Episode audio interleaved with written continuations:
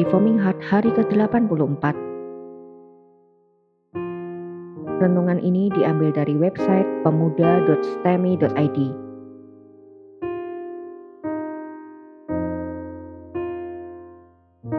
Tema renungan pada hari ini adalah mempersiapkan bait Allah. Mari kita membaca Alkitab diambil dari kitab 1 Raja-Raja pasal 5 ayat 1 sampai 18. Demikian bunyi firman Tuhan. Persiapan-persiapan untuk mendirikan bait suci. Hiram Raja Tirus mengutus pegawai-pegawainya kepada Salomo, karena didengarnya bahwa Salomo telah diurapi menjadi raja menggantikan ayahnya, sebab Hiram senantiasa bersahabat dengan Daud.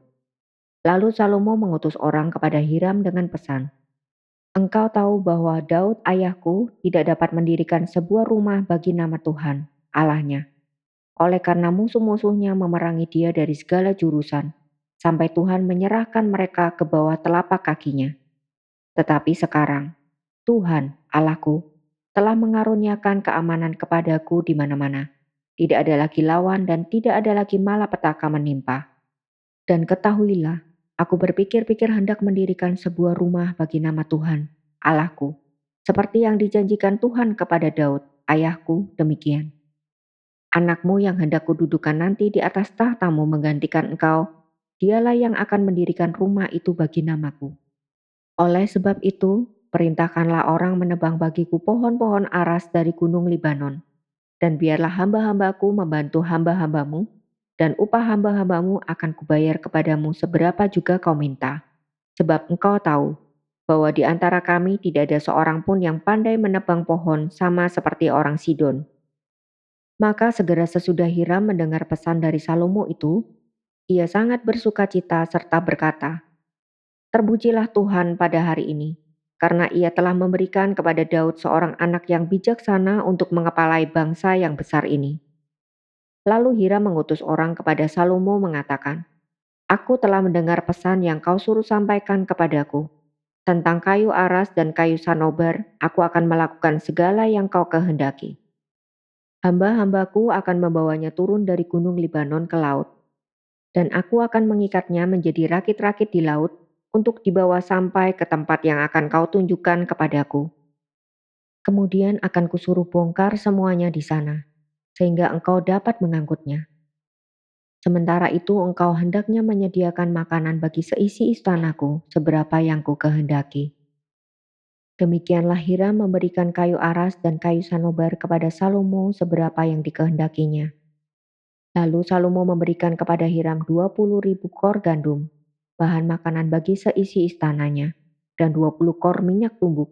Demikian diberikan Salomo kepada Hiram tahun demi tahun. Dan Tuhan memberikan hikmat kepada Salomo seperti yang dijanjikannya kepadanya. Maka damai pun ada antara Hiram dan Salomo Lalu mereka berdua mengadakan perjanjian. Raja Salomo mengerahkan orang Rodi dari antara seluruh Israel. Maka orang Rodi itu ada 30 ribu orang. Ia menyuruh mereka ke gunung Libanon, 10 ribu orang dalam sebulan berganti-ganti. Selama sebulan mereka ada di Libanon, selama dua bulan di rumah. Adonira menjadi kepala Rodi.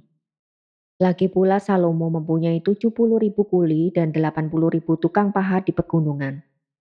Belum terhitung para mandur kepala Salomo yang mengepalai pekerjaan itu, yakni 3.300 orang banyaknya, yang mengawasi rakyat yang mengerjakan pekerjaan itu. Dan raja memerintahkan supaya mereka melinggis batu yang besar, batu yang mahal-mahal untuk membuat dasar rumah itu dari batu pahat. Maka tukang-tukang Salomo dan tukang-tukang Hiram serta orang-orang Gebal memahat dan menyediakan kayu dan batu untuk mendirikan rumah itu.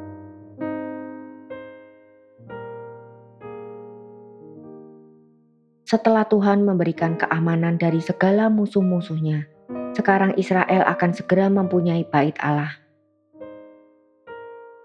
Tuhan menggerakkan Hiram, Raja Tirus untuk menjalin persahabatan dengan Salomo. Dan jalinan persahabatan yang diikat antara Tirus dan Salomo ini menjelaskan mengapa Tuhan memakai Salomo untuk membangun bait suci.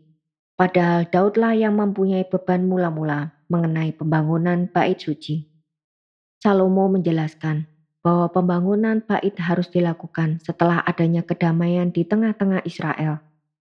Bait adalah simbol kehadiran Allah, dan kehadiran Allah adalah kehadiran yang menyebabkan terjadinya damai sejahtera bagi Israel. Sekarang di dalam zaman Salomo, akhirnya ketenangan itu tiba. Tuhan telah mengaruniakan keamanan kepada Salomo dan juga kekuatan untuk menjaga keamanan itu.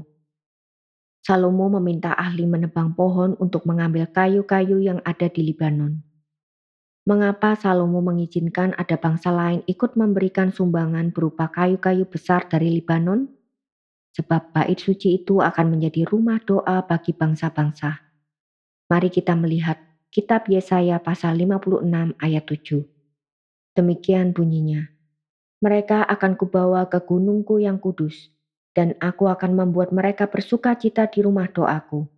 Kurban-kurban bakaran dan kurban-kurban sembelihan mereka akan diterima di atas mesbahku, sebab rumahku akan disebut rumah doa bagi segala bangsa. Bait suci ini akan menjadi tempat di mana orang Israel memusatkan ibadahnya. Bait suci ini akan memberikan kembali harapan akan pemulihan Israel. Bait suci juga menjadi lambang meningkatnya cara orang-orang Israel menghormati tabut perjanjian. Di dalam zaman Eli, tabut perjanjian dipakai untuk menjadi semacam jimat pembawa kemenangan bagi Israel. Lalu pada zaman Daud, tabut perjanjian dipindahkan ke Yerusalem supaya semua orang tahu bahwa Tuhanlah yang memerintah, bukan Daud. Apakah makna dari bait suci ini sebenarnya? Jika kita melihat segala ornamen yang dibuat oleh Salomo, maka kita dapat menyimpulkan bahwa yang menjadi fokus pembahasan dari bait suci sebenarnya adalah manusia kembali ke Taman Eden. Yang dicari dari Taman Eden bukanlah lokasi taman itu di mana, tetapi relasi yang begitu intim antara manusia dengan Allah. Inilah yang mau dibuat kembali dengan pendirian bait suci. Manusia boleh kembali bersekutu dengan Tuhan Kerinduan Tuhan memanggil Israel adalah supaya mereka boleh bersekutu dengan Tuhan. Kedatangan Kristus ke dalam dunialah yang nantinya akan menggenapi tujuan bait suci. Tuhan Yesus adalah satu-satunya yang sanggup memberikan persekutuan yang sempurna antara Allah dengan manusia. Tetapi sebelum Kristus datang, simbol kedatangannya, yaitu bait suci, memberikan foreshadow atau bayangan tentang damainya manusia dengan Allah. Sejak relasi manusia dengan Allah rusak di Taman Eden, Tuhan memberikan jalan keselamatan kepada manusia. Jalan keselamatan ini akan digenapi di dalam pengorbanan Tuhan Yesus dan akan disempurnakan di dalam kedatangannya yang kedua. Pemanggilan Tuhan kepada para bapa leluhur Israel, yaitu Abraham dan Ishak, juga mencakup janji tentang tempat tinggal bagi umat pilihan. Kemudian, selain menjanjikan tempat tinggal, Tuhan juga menjanjikan peraturan Taurat untuk mereka ketahui. Dari Musa yang menyampaikan firman Tuhan dan Taurat, janji Tuhan makin mengarah ke bait suci dengan adanya perintah firman Tuhan bahwa dia akan menunjuk satu tempat di tanah Israel untuk orang-orang Israel mempersembahkan korban dan beribadah kepada Allah. Mari kita melihat kitab ulangan pasal 12 ayat 4. Demikian bunyinya janganlah kamu melakukan itu terhadap Tuhan Allahmu. Lalu Tuhan menggerakkan Daud untuk mempersiapkan pembangunan bait suci dengan janji bahwa dia akan membangkitkan keturunan Daud yang kemudian. Keturunan Daud inilah yang akan mendirikan rumah bagi Allah. Keturunan ini adalah Salomo. Dan sekarang, setelah Tuhan melantik dan mengurapi rajanya, dan dia memberikan kedamaian dan kerjasama yang baik dengan bangsa-bangsa lain, untuk memulai pendirian bait suci ini. Demikianlah bagian hari ini penuh dengan pembahasan tentang bait suci. Apakah sebenarnya pentingnya memahami bait suci dalam kehidupan rohani kita? Sangat penting. Karena pembahasan tentang bait suci adalah pembahasan tentang tubuh Kristus. Bait suci adalah lambang kehadiran Allah. Bait suci adalah tanda yang menyatakan anugerah Allah, sehingga umat Tuhan boleh datang mendekat untuk beribadah kepada Allah. Berdoa, mempersembahkan korban, dan untuk menerima pengampunan. Mengapa pembahasan tentang bait suci dibahas berkali-kali di Alkitab? Karena pembahasan bait suci berarti juga pembahasan bagi orang-orang yang miskin rohani dan sebenarnya tidak layak untuk datang mendekat kepada Allah. Bangsa Israel adalah bangsa yang telah berdosa, tetapi kehadiran bait suci Allah seolah-olah menyatakan bahwa Allah yang memanggil mereka, Allah juga yang hadir di tengah-tengah mereka. Dengan adanya simbol kehadiran Allah ini, maka orang Israel tetap dapat bersekutu dengan Allah yang sudah memanggil mereka. Orang Israel dapat merasakan duka cita dosa ketika mempersembahkan korban ke hadapan Allah. Orang Israel juga dapat merasakan keindahan berdoa kepada Allah, sekaligus mendengar pembacaan Taurat dan penjelasan Taurat melalui bait suci. Tetapi kehadiran bait suci sebagai pernyataan bahwa Allah hadir hanyalah sementara setelah itu, di dalam penggenapan janjinya, dia menubuatkan tentang Kristus. Untuk direnungkan. Bagaimana kaitannya dengan kita sekarang? Kita yang telah mendapatkan penggenapan di dalam Kristus, apakah yang dapat kita renungkan dari bacaan hari ini? Kita akan merenungkannya dengan melihat posisi kita di dalam Kristus. Kita melihat bait Allah dengan cara pandang orang yang sudah ditebus di dalam Kristus. Pertama, keadaan damai Israel dan pembangunan bait suci menjadi tanda bagi kedatangan Kristus dan keadaan damai yang mengiringinya. Kristuslah yang telah menjadi imam besar kita. Bait suci sekarang adalah Kristus sendiri. Dengan demikian, Keadaan damai yang menyertai dibangunnya bait suci, yaitu Kristus, adalah keadaan damai antara kita dengan Allah Bapa. Kristus mengatakan, rombaklah bait suci ini, dan aku akan mendirikannya kembali dalam tiga hari. Seperti tertulis di dalam Yohanes pasal 2 ayat 19-21.